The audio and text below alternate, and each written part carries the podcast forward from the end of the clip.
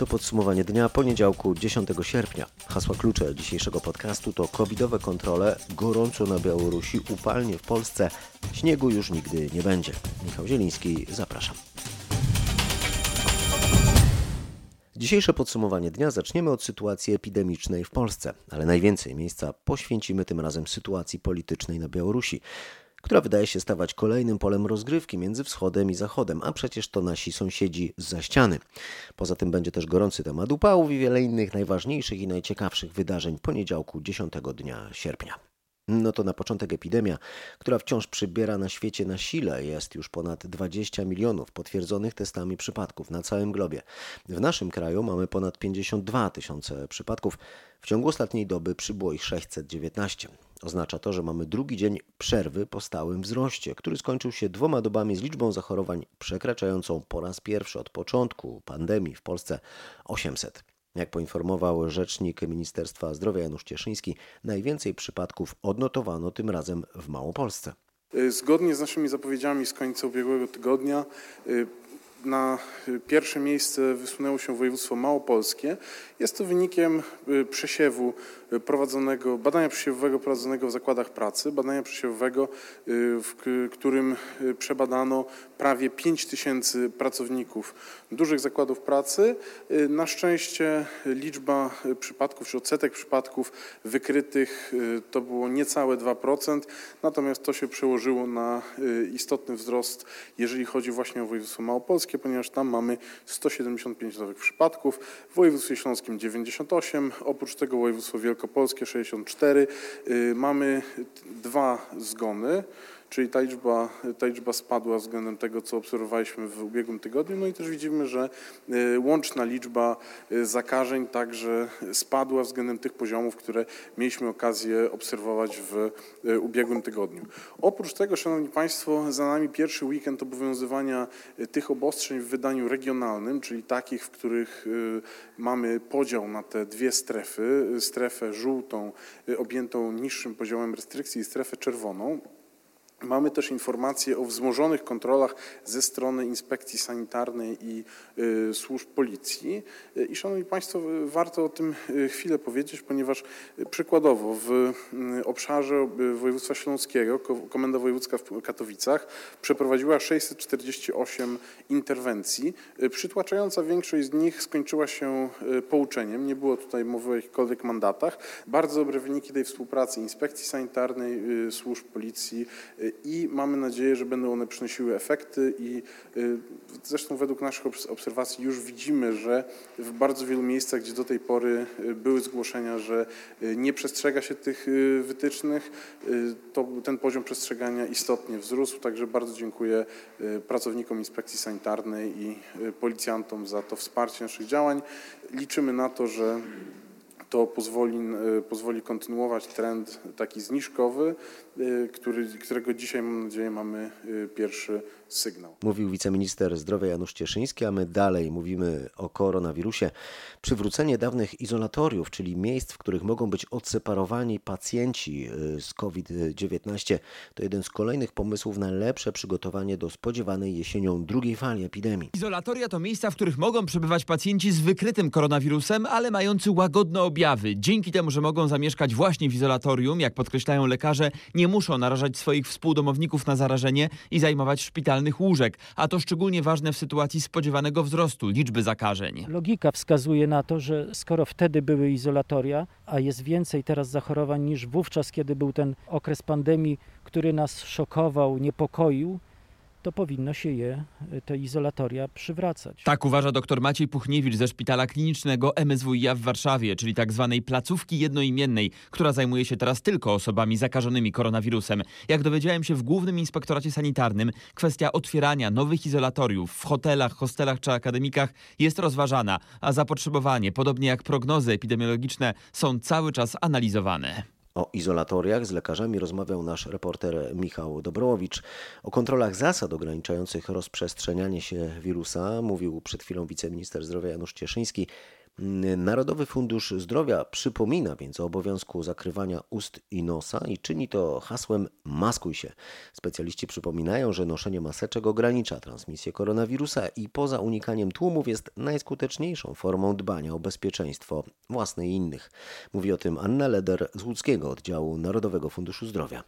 Przypominamy wszystkim, że w przestrzeni zamkniętej, w pociągu, w tramwaju, w autobusie, w sklepie, w galerii handlowej, u fryzjera, u kosmetyczki, w kościele, w urzędzie zawsze musimy mieć na twarzy maseczkę. Maseczkę poprawnie założoną, czyli taką, która ściśle przylega do ust i nosa, zakrywa i usta i nos.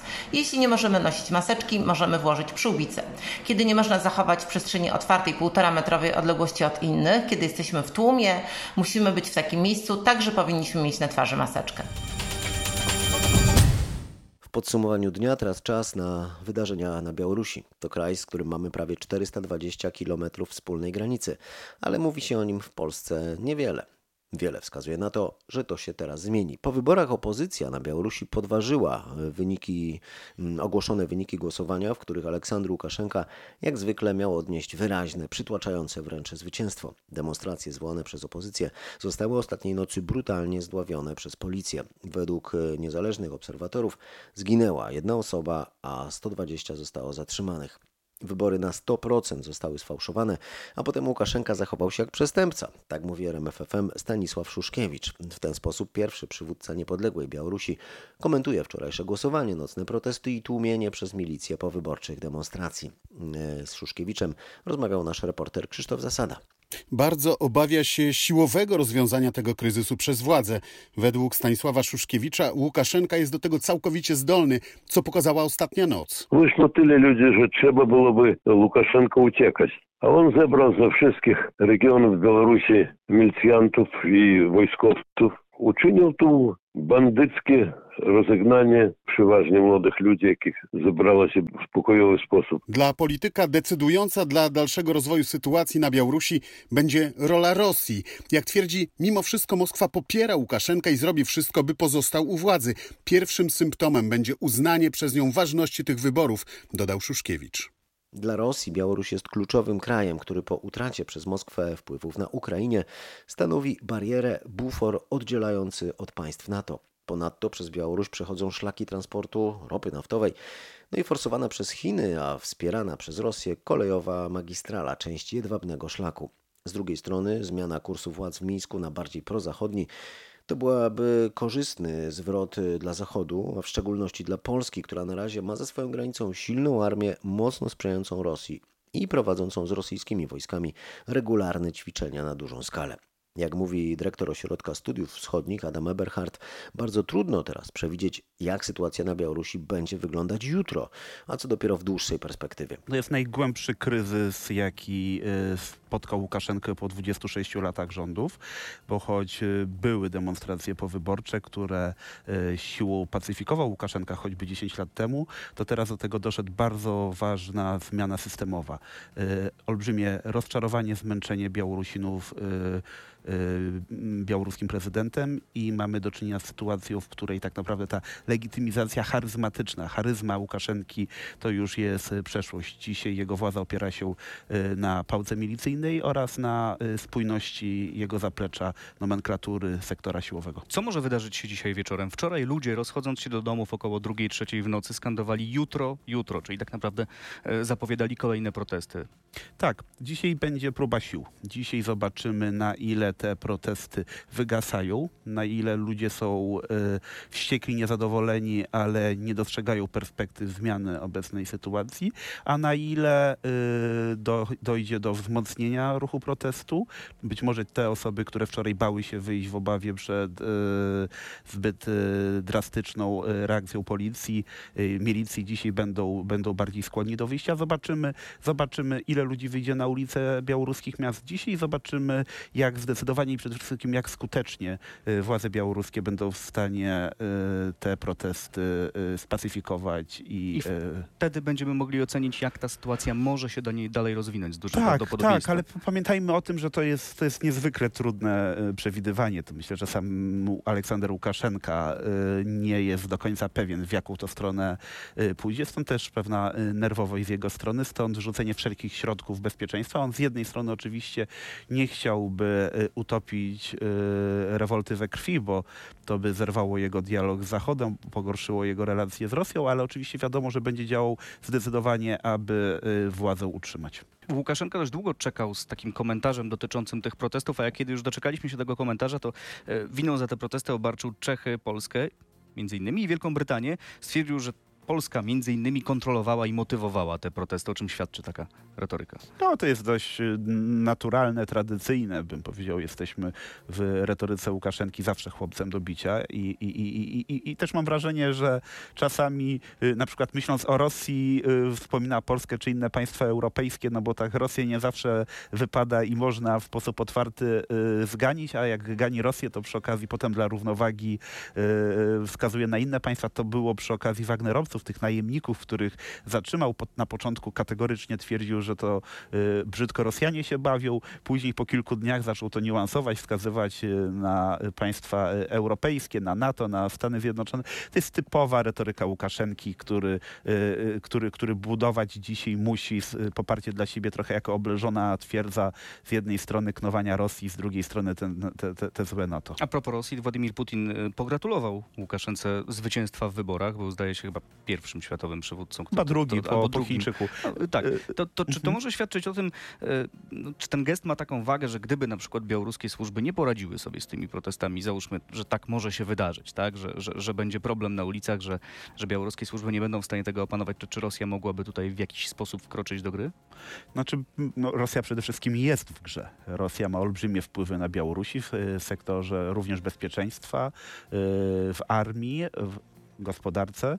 Y, Rosja budowała sobie w czasie tej kampanii również wpływy na białoruskiej opozycji, y, ale mam wrażenie nie z intencją obalania Łukaszenki, tylko jego osłabienia, to znaczy wywołania, y, mm, doprowadzenia do protestów, które na, następnie on krwawo stłumi, a tym samym zamknie sobie drzwi do dialogu z Zachodem i będzie bardziej zależny od Rosji. Więc tutaj ta strategia rosyjska, mam wrażenie, jest dość przejrzysta. Na poziomie oficjalnym oczywiście popieranie Łukaszenki, y, na poziomie y, operacyjnym służb y, jego osłabianie, no i, i, i oczywiście bazowy scenariusz y, polegający na tym, że Łukaszenka ma władzy się utrzymać. Proszę pamiętać, Mhm. że y, zwycięstwo kolorowej rewolucji na Białorusi to byłoby, y, y, to byłoby po pierwsze pewne zagrożenie dla Rosji związane z upodmot, upodmiotowieniem się białoruskiego społeczeństwa, co, czego Rosja nie lubi. Ona woli rozmawiać z elitami, a po drugie bardzo zły sygnał z punktu widzenia Kremla, z punktu widzenia Putina, z punktu widzenia jego obaw o to, no, że przecież i Puti- Putina legitymizacja y, jest y, no, może nie na Mhm. wyczerpaniu, ale, ale, ale, ale także się jakoś tam Krótko chwieje. mówiąc, Kremlowi zależy, żeby Łukaszenka u władzy został, ale żeby był raczej słaby. E, Premier Morawiecki apeluje o zwołanie unijnego szczytu w sprawie Białorusi. Chciałby spotkać się, porozmawiać na forum Unii Europejskiej. Wydaje się panu, że powinno do takiego szczytu dojść? Czy uważam, że Unia Europejska powinna zająć stanowisko, tym bardziej, że tutaj mamy bardzo trudne dylematy, które przed nami e, stoją. To znaczy, po pierwsze, e, jest kwestia pewnej solidarności z e, narodem białoruskim, pewnego kapitału zaufania, jaki Unia Europejska, Zachód powinno pielęgnować na Białorusi. I to nie jest rzecz nieistotna. No a druga rzecz to oczywiście są pewne kalkulacje geopolityczne związane z tym, y, że chcemy y, Białorusi niepodległej, y, która nie będzie skazana na rosnące wpływy y, rosyjskie. A ten scenariusz, który jakoś tam nam się rysuje, gdzie Łukaszenka utrzymuje się u władzy, ale zarazem poprzez y, masowe y, represje wobec demonstracji, wobec ruchu protestu, zamyka sobie furtkę do, do dialogu z Zachodem, no to jest scenariusz najgorszy z możliwych. Teraz wróćmy jeszcze do pozycji Polski w sprawie tych wydarzeń. Warszawa oficjalnie domaga się pilnego zwołania nadzwyczajnego szczytu Unii Europejskiej w sprawie wydarzeń na Białorusi. Premier Mateusz Morawiecki wysłał w tej sprawie wniosek do szefa Rady Europejskiej Charlesa Michela i do przewodniczącej Komisji Europejskiej Ursuli von der Leyen. Nasz reporter Krzysztof Berenda o tym, co taki szczyt miałby dać. Polski rząd chce, żeby Unia Europejska wspólnie zareagowała na najprawdopodobniej sfałszowane wyniki wyborów i na brutalne pacyfikowanie demonstracji. Musimy wspólnie wesprzeć Białorusinów w ich dążeniu do wolności, tak informuje rzecznik rządu. Sprawa jest jednak skomplikowana. Zachowanie białoruskich władz powoduje, że wielu polityków domaga się zaostrzenia sankcji wobec Mińska. Z drugiej strony takie sankcje mogą uderzyć w obywateli, mogą także skłonić Aleksandra Łukaszenkę do zbliżenia z Rosją, a to scenariusz, którego wszyscy woleliby uniknąć. Nie Wykluczone więc, jak słyszę, że na szczycie pojawi się pomysł zaoferowania Łukaszence transakcji, zbliżenie z Zachodem w zamian za ustępstwa. To jednak trudny do zrealizowania scenariusz. Postulowanego przez Polskę szczytu raczej jednak nie będzie, wynika z informacji uzyskanych przez naszą korespondentkę w Brukseli. Unijni liderzy potępiają wprawdzie przemoc y, użytą wobec manifestujących na Białorusi i wzywają do dokładnego przeliczenia głosów i opublikowania wyników wyborów. Mm, ale nie są skłonni do poparcia nadzwyczajnego spotkania na szczycie, e, podaje z Brukseli Katarzyna Szymańska-Borgino. Szef unijnej dyplomacji oraz komisarz do spraw sąsiedztwa potępili przemoc i wezwali do natychmiastowego uwolnienia wszystkich zatrzymanych ostatniej nocy. Władze białoruskie muszą zapewnić poszanowanie podstawowego prawa do pokojowych zgromadzeń, czytamy w oświadczeniu. Polskie władze chciałyby jednak mocniejszej reakcji, czyli zwołania szczytu Unii czy posiedzenia szefów dyplomacji krajów Unii. Źródła w Komisji Europejskiej twierdzą jednak, że nie ma szans na zorganizowanie takich nadzwyczajnych spotkań w sprawie Białorusi. Dyplomaci zapewniają jednak, że podczas nieformalnego spotkania ministrów spraw zagranicznych Unii, zaplanowanego na koniec miesiąca, sprawa ta z pewnością będzie omawiana i prawdopodobnie pojawi się kwestia unijnych sankcji wobec Mińska. Słuchacie podsumowania dnia poniedziałku 10 sierpnia. W dalszej części m.in. o upalnym dniu i dniach, które przed nami i o tym, jak sobie radzić z gorącem, a także o spadających cenach wynajmu mieszkań i o tajemniczym mieczu znalezionym na dnie Odry. A teraz o sobotnim wypadku na Węgrzech polskiego autokaru, który jechał z Bułgarii. W tym wypadku zginęła jedna osoba, 24 trafiły do szpitali. Wyjazd zorganizowało Biuro Podróży z Bielska Białej. O szczegółach nasz reporter Marcin Buczek. Autokar wyjechał z Bułgarii w sobotę po 15. Wypadek na Węgrzech wydarzył się wczoraj rano. Autobus zjechał z autostrady i wjechał do rowu. W sumie w autokarze podróżowało ponad 40 osób. Kierowców było dwóch. Jak powiedział mi szef Bielskiego Biura Podróży, obaj powinni być wypoczęci, bo razem z turystami spędzili w Bułgarii 10 dni, a samochód był nowy i miał ważne badania techniczne. W autokarze podróżowali głównie turyści z województwa śląskiego. To m.in. mieszkańcy Bielska Białej, Tychów czy Żywca, ale były tam również osoby osoby z Lublina.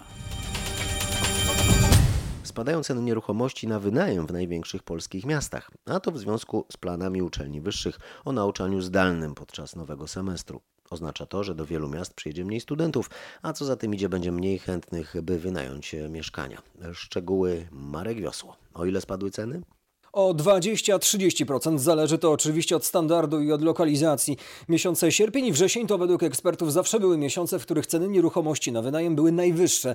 To właśnie wtedy było najwięcej chętnych szukających mieszkania. Teraz widać wyraźny spadek, nie ma dużego zainteresowania, mówi Jan Palka z grupy Nieruchomości Kraków. Bardzo dużo tych lokali wróciło na rynek. No i prawa ekonomii, które dla wszystkich branż są takie same, czyli w momencie, kiedy podaż tych lokali jest bardzo duża, no jedyną metodą, e, żeby znaleźć najemcę będzie obniżenie ceny do takiego poziomu, na którym będzie się dało no, wygrać z inną ofertą. Najchętniej wynajmowane są mieszkania dwupokojowe z osobną kuchnią i takie mieszkanie w Krakowie można wynająć teraz za mniej niż 1300 zł. Ponadmetrowej długości średniowieczny miecz znaleźli archeolodzy na dnie Odry w Szczecinie. Zabytek udało się wydobyć podczas prac przy pogłębianiu toru wodnego. Miecz, który przeleżał w wodzie kilkaset lat, zachował się wraz ze skórzaną pochwą. W innych warunkach uległby ona całkowitemu rozkładowi, tłumaczy w rozmowie z naszą reporterką Anetą Łuczkowską Krzysztof Kowalski z działu archeologii Muzeum Narodowego w Szczecinie. Ten jest wyjątkowy ze względu na stan zachowania elementów pochwy tego miecza, skórzanych, drewnianych, być może jeszcze jakichś innych, o których nie wiemy, które są ukryte. Niektóre niektóre elementy dopiero nam się ukażą w momencie, kiedy będą poszczególne warstwy tych elementów organicznych ściągane. Na razie strach dotykać trochę. Na razie on jest w wodzie, czeka na opracowanie metod konserwacji i opracowanie metod badań specjalistycznych, ale jest to faktycznie ewenement, bo tego typu znalezisk praktycznie nie ma. Nieczynny most kolejowy nad jeziorem Pilchowickim na Dolnym Śląsku przeżywa istny najazd turystów. Po sprzecznych doniesieniach niepokój wzbudziły zapowiedzi wysadzenia obiektu w powietrze na potrzeby siódmej odsłony filmu Mission Impossible. W toku jest procedura wpisania tego mostu do rejestru zabytków. Czy mimo to ponad stuletnia konstrukcja rzeczywiście może zostać zniszczona? Zapytaliśmy o to Macieja Mądrego z Fundacji Ochrony Dziedzictwa Przemysłowego Śląska. Obawiać się powinniśmy, dlatego że nawet na poziomie przedstawicieli najwyższych władz, urzędników odpowiedzialnych za ochronę tego mostu pojawiają się sprzeczne informacje, bo z jednej strony jest generalny konserwator zabytków, pani profesor Gawin, która mówi, że nie, że most jest chroniony. Z drugiej strony mam, mamy wcześniej podsekretarza stanu w ministerstwie pana Lewandowskiego, który mówi, że tak, y, ministerstwo razem z z y, amerykańską produkcją chciało wysadzić ten most kolejowy. Kilka dni temu pojawia się wywiad z panem Golbą, y, który reprezentuje producentów amerykańskich tego filmu w Polsce i on mówi, że jakby sprawa nie umarła. Dalej są zainteresowani tym, żeby ten most położyć. To wysadzenie, do którego nie dojdzie i, do, i które miało być fragmentaryczne. Jeśli ono miałoby pomóc w utrzymaniu tego mostu, to niech tak będzie, bo on niszczeje. Zabytki powinno się szanować i dbać o nie, a nie pozwalać je niszczyć. Komentują turyści, a my zostajemy na Dolnym Śląsku, żeby zaznać nieco historycznych smaków. Na przykład ulubiony deser Leonardo da Vinci albo różany tort królowej Francji Marii Antoniny. To tylko niektóre przysmaki, których będzie można spróbować w tym tygodniu podczas trzeciego festiwalu kuchni historycznej Twierdza Smaków w Zamku Czocha. O tym smakowitym wydarzeniu więcej wie Paweł Peclik. Przez trzy dni od 14 do 16 sierpnia zamek zaprasza na dania m.in. z czasów średniowiecza czy baroku. Chętni przekonają się jak smakuje jucha, słynna bałkańska zupa, która podobno przywraca siły witalne. W menu zamkowej restauracji znajdą się chociażby pasztecik królowej Bony czy zupa cebulowa Ludwika XIV. Na gości tradycyjnie będzie czekać też kuchnia w PRL-owskim stylu, czyli pierogi i galareta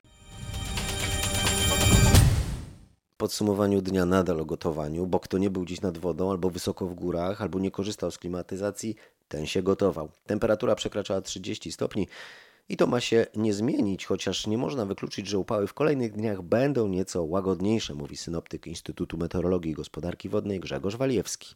Maksymalne wartości temperatury będą powyżej 25 stopni Celsjusza, ale od e, wtorku one będą raczej poniżej 30. Także taka jest prognoza, że taka właśnie wakacyjna pogoda będzie. E, natomiast e, nie widać jakiegoś dużego ochłodzenia, żeby temperatura spadła poniżej powiedzmy 20 stopni. No nie widać tego, więc cieszmy się tym latem. Cieszmy się, ale mądrze, szczególnie nad wodą. Brak rozwagi jest wyjątkowo niebezpieczny. Aspirant Jarosław Zięba z Wydziału Prewencji Komendy Miejskiej Policji w Łodzi przypomina podstawowe zasady.